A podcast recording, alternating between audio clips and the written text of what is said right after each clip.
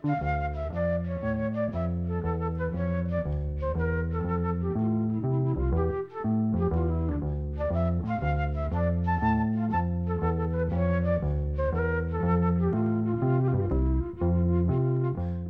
sæl. Við tínum fram nokkra smáskjöfur frá árinu 1970 og heyrum lög sem að nutum vinsalda það ár. Mörg þessara laga ættu að hljóma kunnulega og sum hver heyrast öðru kóru á öldun ljósakans en önnur eru mjög sjaldanspiluð. Byrjum á lægi sem að tónlistamæðurinn og grínistinn Ray Stevens sendi frá sér sumari 1970. Ray Stevens var þekktur fyrir grínsöng og alls konar sprell en það vildi svo merkilega til að þetta sömar senda frá sér lag á alvarlegum nótum. Lag þar sem að mannkærleikur er í fyrirrumi. Lagið heitir Everything is Beautiful og hefst á því að tvær dætur hans og skólafélaga þeirra úr Oak Hill grunnskólunum syngja sálminn Jesus Loves the Little Children.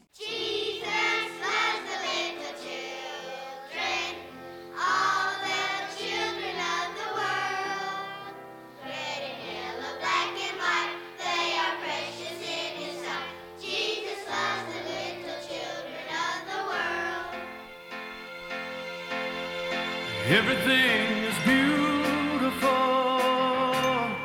in its own way. Like a starry summer night or a snow covered winter's day. And everybody's beautiful in their own way. Under God's heaven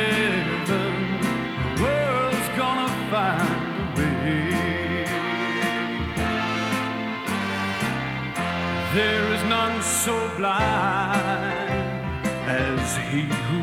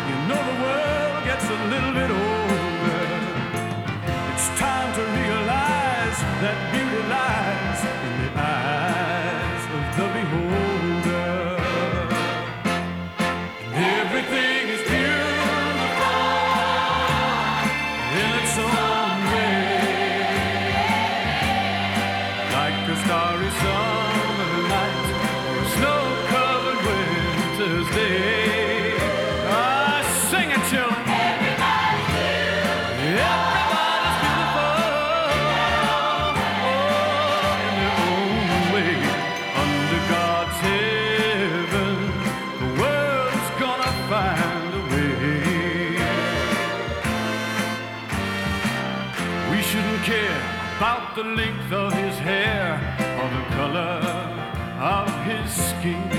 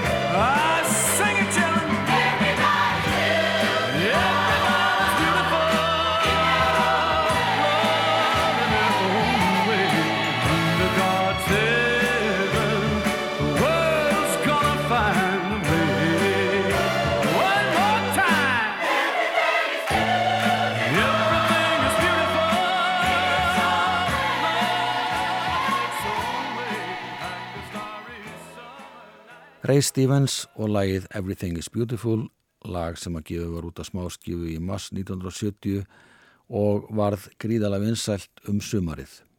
Þetta lag fór í efstasæti og Ray Stevens hlaut tvenn græmivelun annars vegar fyrir besta söngin og hins vegar var þetta lag valið besta lagið með trúalega tengingu. Diana Ross steg sinn fyrstu skref sem solosönguna árið 1970. Hún hafði jú verið í fóristu í Supremes. Fyrsta lægið sem hún gaf út og komst í efsta sætið var endurgerð hennar á Asford og Simpson læginu Ain't No Mountain High Enough, lag sem að Marvin Gaye og Tammy Terrell hafði gert vinsalt þreymur árum fyrr.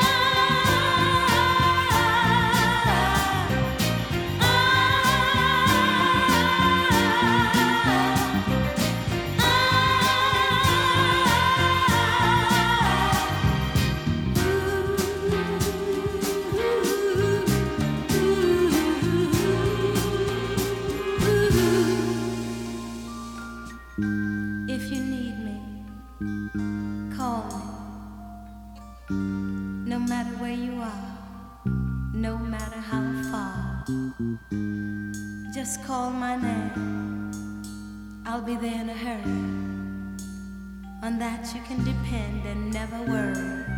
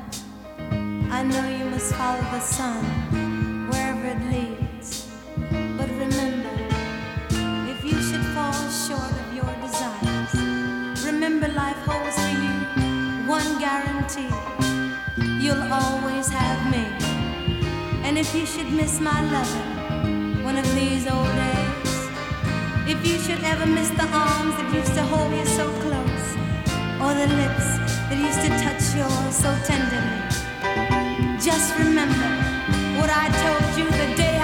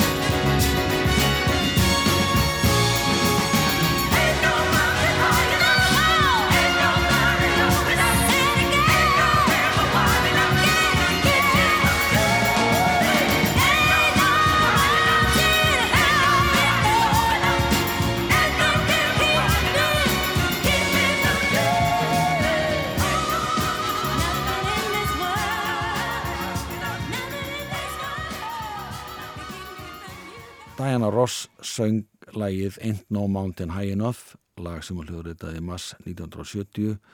Það kom út að smáskifu í júli, mánuði eftir að Stóraplattan kom út. Það voru útastöðar viðan bandaríkinn sem fór að spila lægið.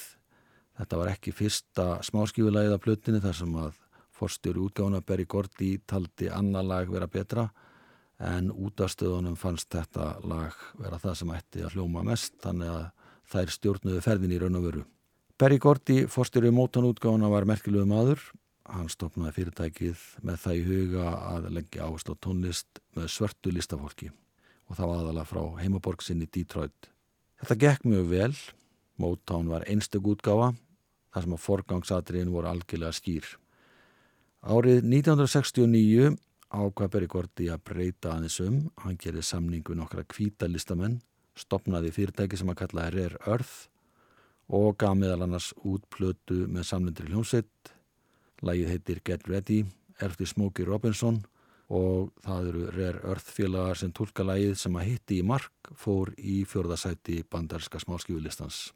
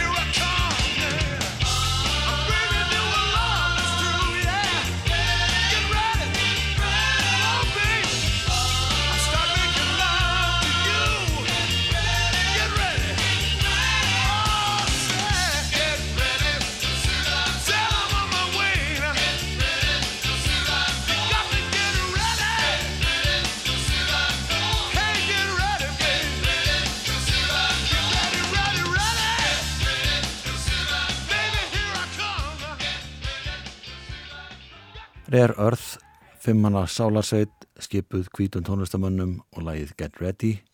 Þetta var einn farra hljómsveita sem skipaði voru kvítu listafólki sem fekk samning hjá Berry Gordy, forstjóra mótanútgáðunar, sem laði áherslu á tónlist með svörtu tónlistafólki. Fyrrvæðandi lagasmiðateimi mótanútgáðunar þeir Brian Holland, Leymond Dozier og Edward Holland hættu að vinna fyrir Berry Gordy aðaleganda útgáðunar árið 1967. Þeim fannst þeirra hlutur ekki nógu vil metinn. Þeir stopnuðu sitt eigið fyrirtæki en Berry Gordy fór strax í mál við á. Hann bannaði þeim að semja lög undir eigin öfnum þar sem hann taldi sig af að samning sem gaf hann um enga rétt á því að nota nöfn þeirra og allt sem þeir semdu. Þeir voru ekki á sama máli en til öryggis skráðu lögin sín undir höfundaheitinu Edith Wayne.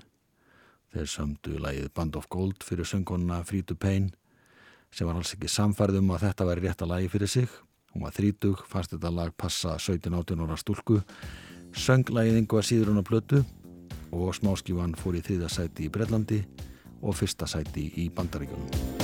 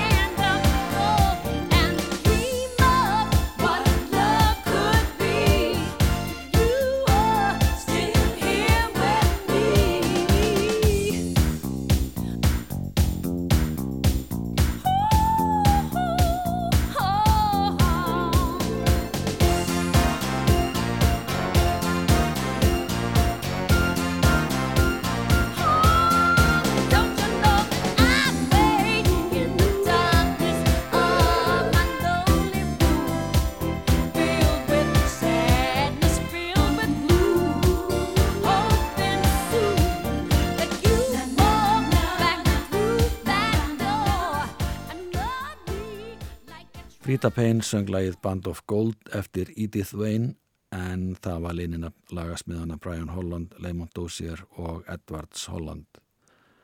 Meðal þeirra sem gerði samning við þessa merku lagasmiði var söngkópurinn Chairman of the Board, þar var forsöngvari General Johnson.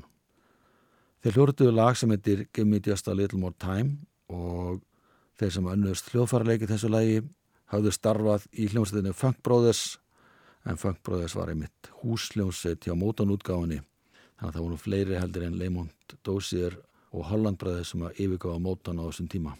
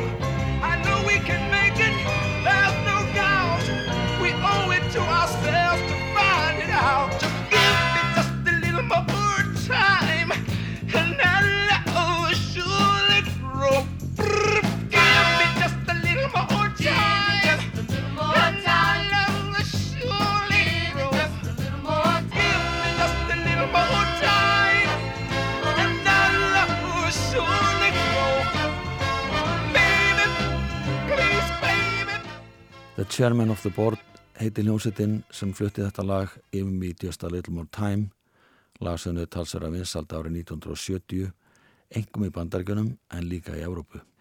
Þetta lag heyrðist gjarnan í kanautarpunni hér á landi á þessum sama tíma. Annar lag sem fekk umtalsverða útaspilun árið 1970 var Raindrops Keep Falling on My Head með B.J. Thomas. Þetta lag eftir Burt Bacharach og Hal David Þeir sömduða fyrir kvikmyndina Butch Cassidy and the Sundance Kid þar sem að Paul Newman og Robert Redford leku tvo kúrika eins konar útlaga. Þetta lag rataði inn á íslenska hljómblutu í flutningi Engibert Jensen. Hann söng íslenskan text eftir Þorsten Eggesson og íslensku heitilagið Regndrópar falla við hvert fett.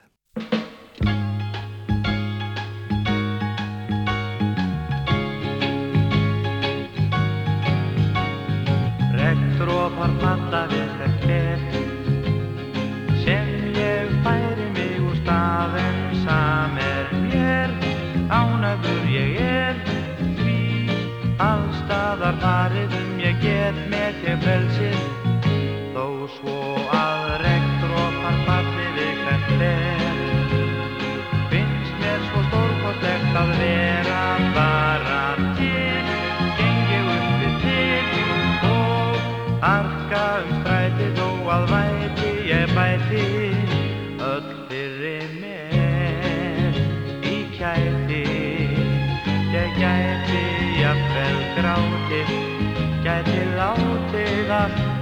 að drögnin sjá um tár mín ei ég vil að næti Regndrópar falla við hvert fenn Veginn er ég að frí að gráta ég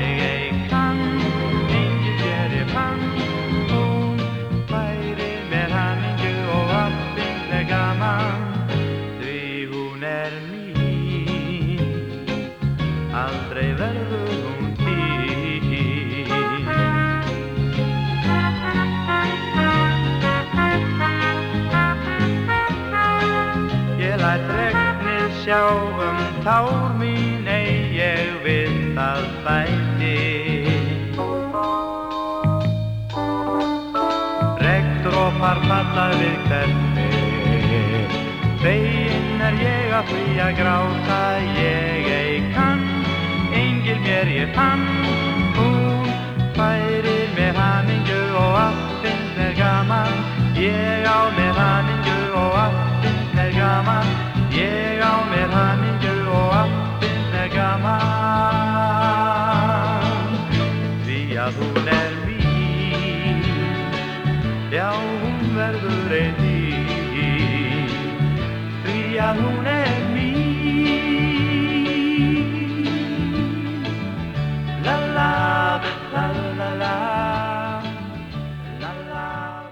Engibert Jensen söng lægið Regndrópar falla við hvert fett, vinsalt bandarislag.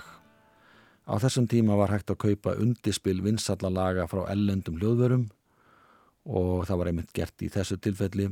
Ellendir tónlistamenn spiluðu, Engibert söng, söngurinn var tekin upp í hljóðveri ríkjusútasins að skúlagötu fjögur og svo var allir splæst saman.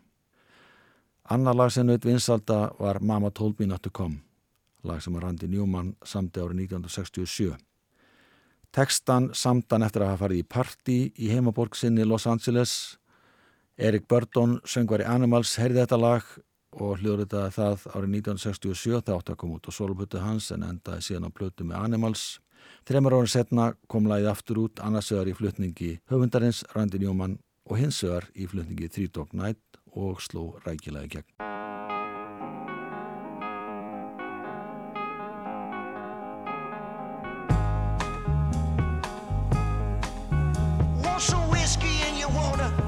Sugar in your tea? What's all this crazy question they're asking me? This is the craziest party that could ever be. Don't turn on the lights, cause I don't wanna see.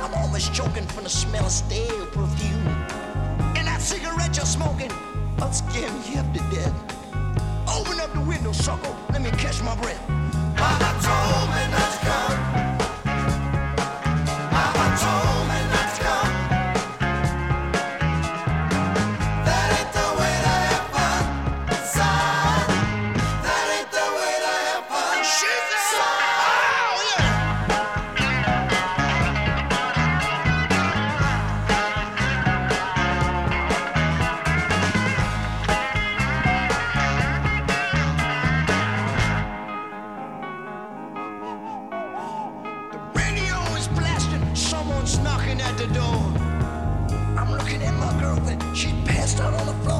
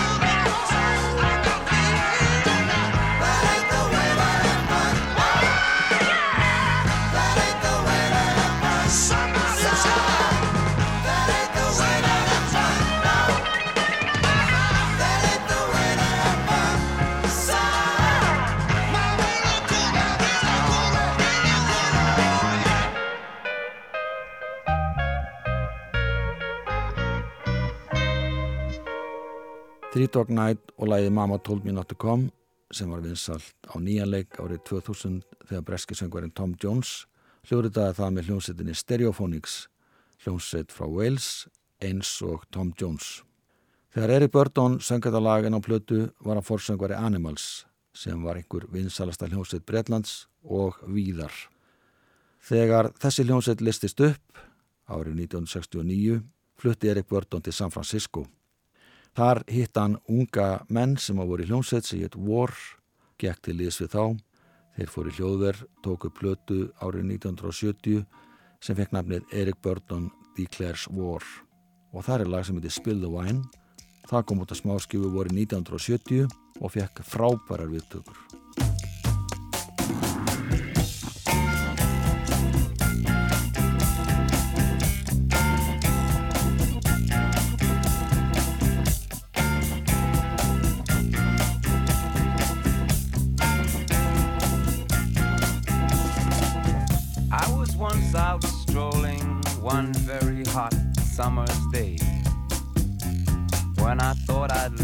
Myself down to rest in a big field of tall grass. I lay there in the sun and felt it caressing my face as I fell asleep and dreamed. I dreamed I was in a Hollywood movie and that I was the star of the.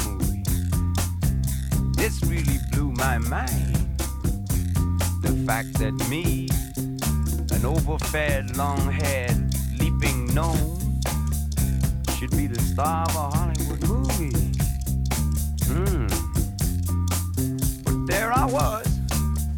Hmm. I was taken to a place,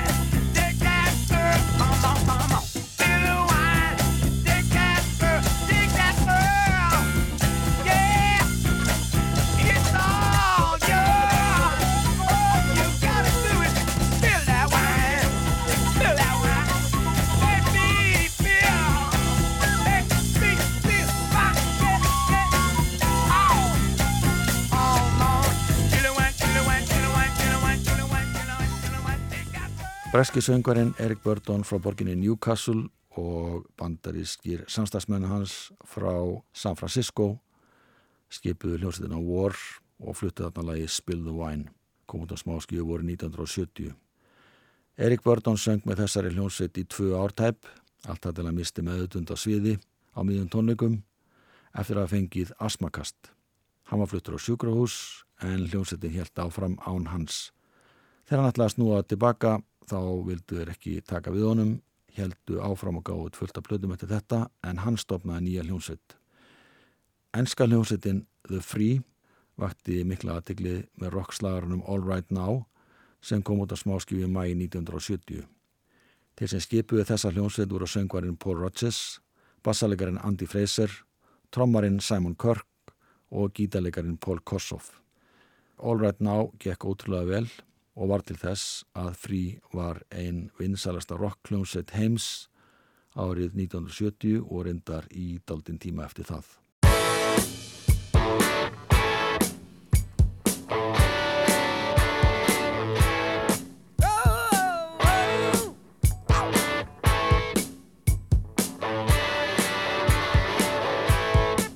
There she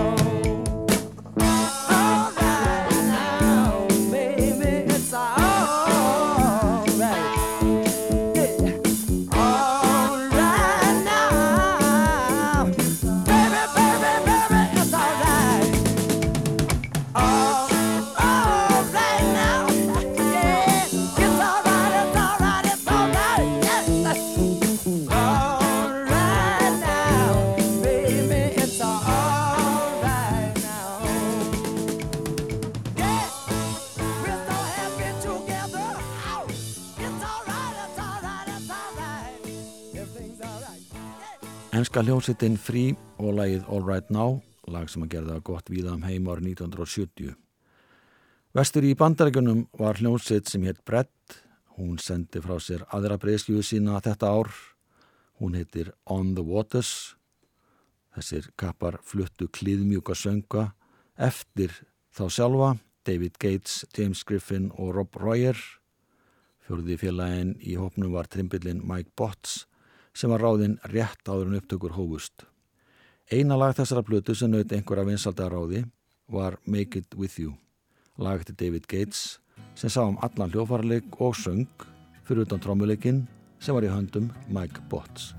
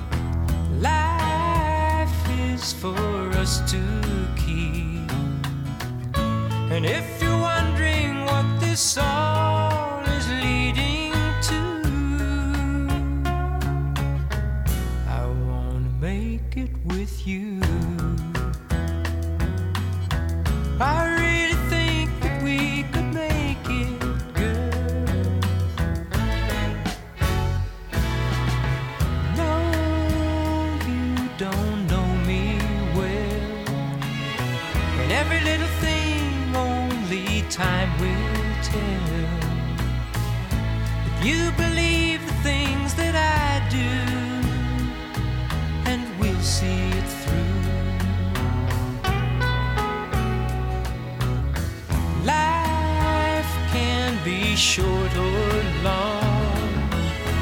Love can be right or wrong. And if I chose the one I'd like to help me through, I'd like to make it with you.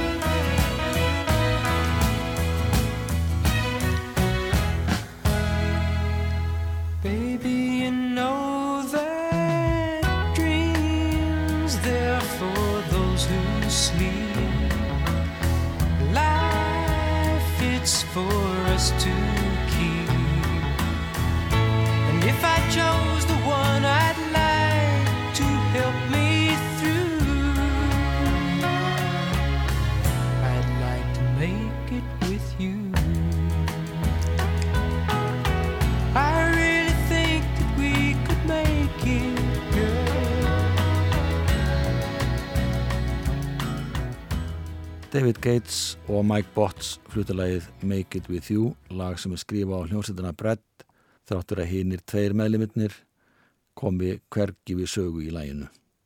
Fræðasól Brett reys hæst með þessu lagi, en sveitin var ekki langlýf. Hætti árið 1973, en tók reynda til starfa aftur nokkru setna, en við förum ekki nánar út í þá sögu. Við ljúkum þættunum á enn einu læginu smiðjum mótanútgáðunar, lag sem gekk bísna vel á sínum tíma. Lagið heitir War, er eftir Norman Whitefield og Barrett Strong. Þetta er mótmálasöngur þar sem að stríðsreksturinnum í Vietnam er mótmælt. Lagið kom upp alveg út á plötu Temptations, það var árið 1969, en árið setna kom nýr söngvari til liðs við Motown, Edwin Starr. Hann tók lagið upp, það var kraftmera í hans flutningi og það fór beinalega á toppin í lóksömas 1970. Þar með líkur þessu, verðið sæl.